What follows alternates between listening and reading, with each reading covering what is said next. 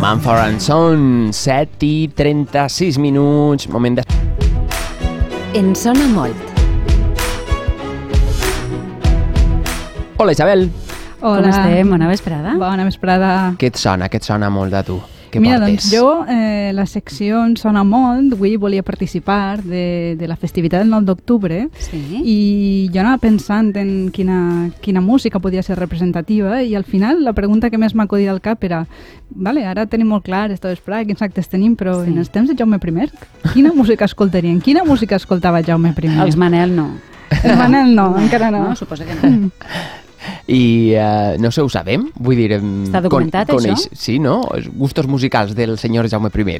Doncs directament no, però indirectament algunes persones expertes sí que s'han atrevit a fer algunes deduccions. Quin és?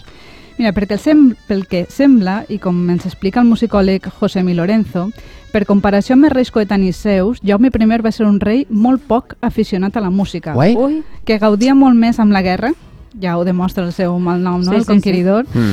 Per exemple, el llibre dels fets, que és la crònica suposadament autobiogràfica que narra els aspectes més destacables de la seva vida, n'hi ha molt poques dades musicals. ah, ja. No, el que passa, el que passa és que per diferents motius els especialistes, per exemple, el, en el disc eh, La música en temps de Jaume I de Sí. la capella Ministres, Ai, que vos, També vindrà a la programa. Home, que vos els recomane, sí que, sí que hem pogut intuir eh, que va viure envoltat de música i a partir d'estos contextos es poden fer deduccions de més informació de quina música podria haver escoltat el rei. Clar, ja tenim més informació. Eh, estem al segle XIII, és a dir, i mi, mi, mi, mi fa 800 anys, més Molt o menys. bé, el molt bé, matemàtic. Sí? Sí. D'acord, és que sóc de, de lletres. I la veritat és que no resulta del tot fàcil imaginar-se el paisatge sonor d'aquell moment, no? Gens fàcil, de fet avui anem, anem a escoltar, ja us avance que anem a escoltar unes músiques un poc més difícils, per dir-ho d'alguna forma, per, a, per als nostres temps.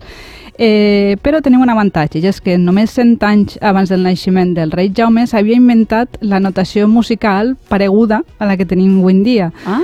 Per exemple, el, el tetragrama és un invent d'aquell temps, que és un pentagrama, sí, Ahà. que el pentagrama es coneix, el coneguem tots, Sí. amb una línia menys. Eh, En aleshores, eh, en quatre línies. Aleshores, això eh, als musicòlegs d'avui en dia doncs, ens facilita molt, molt la vida per a conèixer la, la música d'aquell moment. Que el Ah. sistema de notació Clar, dels siga manuscrits diferent. siga paregut a un poc al que, al que n'hi havia en aquell temps. Sí. Ostres! Però eh, quin era el lloc més comú on podien escoltar música en aquell moment? Perquè, clar, eh, mòbil no en tenia, ni La Spotify... ràdio de punt no ni- existia la tampoc. ràdio no existia, aleshores? No, el que, els jocs més comuns segurament quan pensem en música i edat mitjana ens imaginem un context religiós, sí, la música en Ah, les clar, esglésies. clar, sí, el que passa és que lo, el que anomenem edat mitjana ocupa mil anys, que es diu molt prompte, Mm. i eh, el que diguem context religiós és molt més mm, lax que avui en Sí. dia, d'acord? No només està restringit a l'àmbit eclesiàstic. Aleshores, en aquell moment, la innovació en la música religiosa més important és una cosa que té un nom que és un llatinorum, que s'anomena conductus, que és una peça de, cran, de cant gregorià a la qual se li afegeix damunt una segona veu. Podem, podem escoltar? Ai, perfa.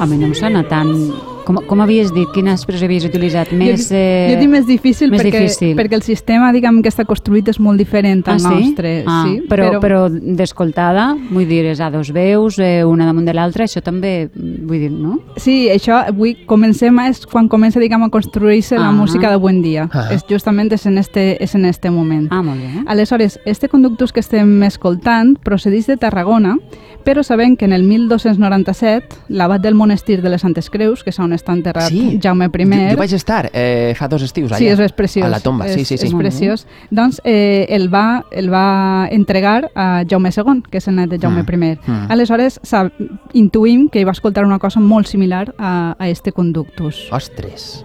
I què ens conten, què ens expliquen aquestes músiques, Isabel? Doncs una cosa que avui en dia ens sembla molt habitual, perquè el segle XIII és el moment on es consolida el culte a la Mare de Déu. Avui en dia ho tenim molt assumit, que n'hi ha diferents, però és justament en aquest moment on eh, comença a tindre un pes verdaderament important. Aleshores, totes aquestes peces són joes a la seva figura.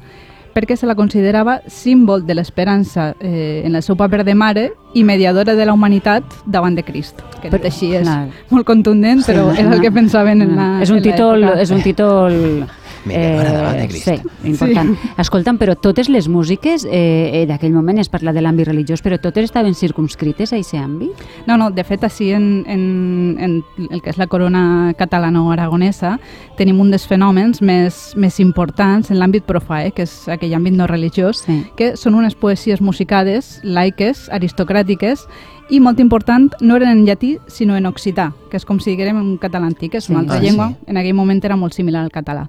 Estem parlant del fenomen dels trobadors.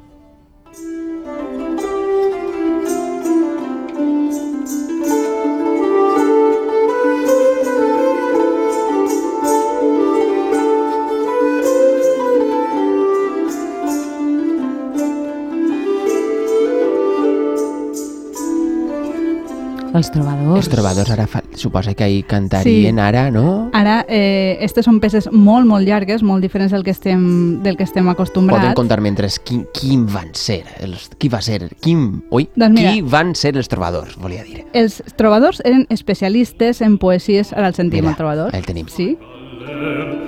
Sobre les plis valents al meu aved raó perquè em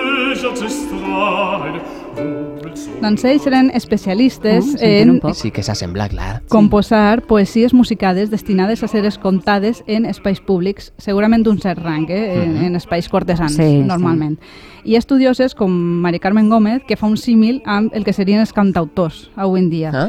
Eh, perquè ho puguem entendre un poc millor, perquè cantaven sobre amor i desamor, temàtiques socials, crítica social també en feien. Doncs aleshores, sí, sí. Eh, Sí, és, és similar. I eh, moltes vegades el que feien era paregut al rap, perquè el que feien era imitar imitar la poesia, poesia mètrica sobre un, uns ritmes i sobre això improvisaven, bueno, com, com algunes modalitats de, de rap. I això, eh, en aquella època era, mm, vull dir, de no sé, com estrelles de la música, els trobadors. Sí, o eren no? molt importants. De fet, eren tan importants que eren un fenomen que es va estilar que n'hi havia fins i tot reis, com a Teobald I de Navarra que, o Alfons de ser el Savi, que és més conegut, que, que es, van ser grans experts en fer, en fer poesia trobada.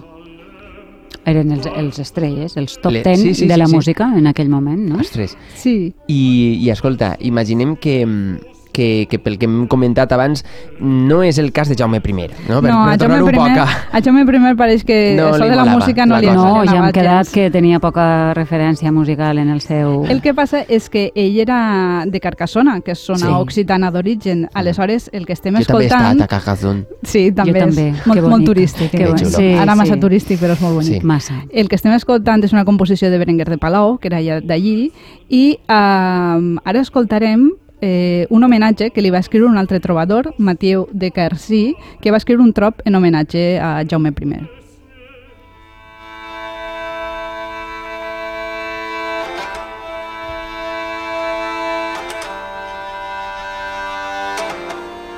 Ara explicarà que... marrits que no em puedes calibrar.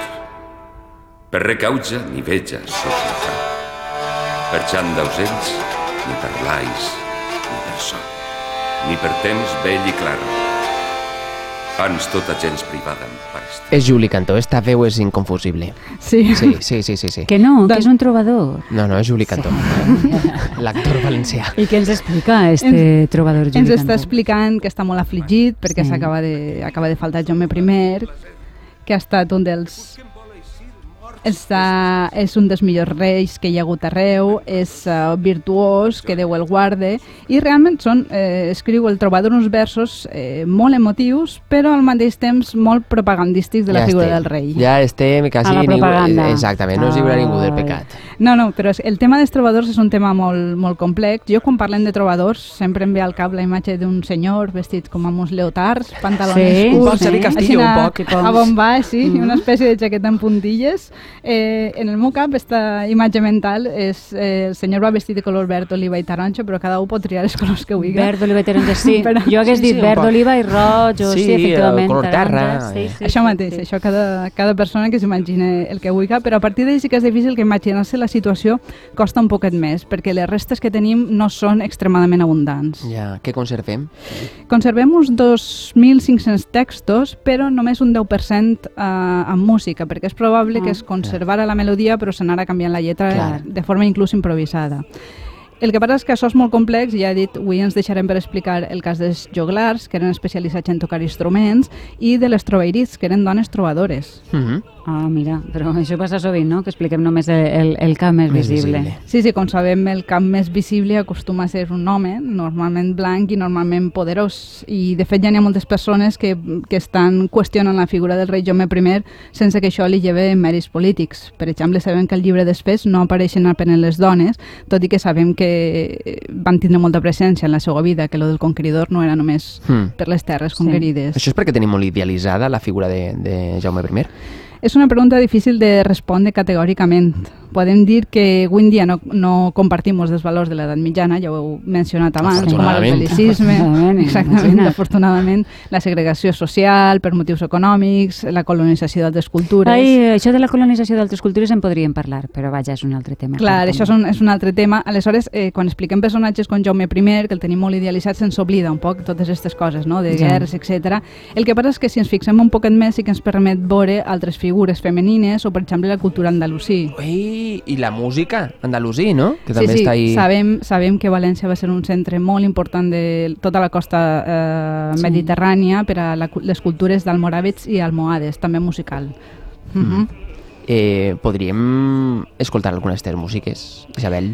Podem escoltar-ne, mm, afortunadament, perquè s'ha conservat eh, de forma més o menys oral fins al segle XVIII eh, en un cançoner que es va anomenar Al Haik. No, no sé si ho he pronunciat bé. No et preocupes, Aleshores, nosaltres no te rectificarem. No podem ajudar-te. Sí. El que escoltarem avui és, i ara també pronunciaré el nom eh, d'una forma a la torera, eh, però intentem... És una poetessa, sí, que es deia eh, Amat al-Hassis al-Hassaniya, que és contemporània de Jaume I i que va escriure la poesia que ara escoltarem. لحاظكم تجرحنا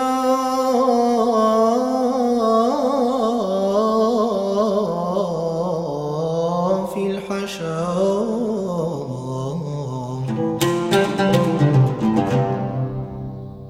Ostres. Ei, Som vaig a dir una viatge. cosa, que igual eh, el que digues és un sacrilegi, però que sí que és música àrab, andalusí, però efectivament sona ahí que anava a arrencar-se per, por soleàs, no? Clar, sí, Eixa- que ahí de tenim la història. Això també és un altre gran altre, tema. no? Sí, en pues parlarem això un altre per un dia. altre dia, un altre dia. Isabel Ferrer, moltes gràcies. Que bé, molt interessant, gràcies Isabel. Gràcies.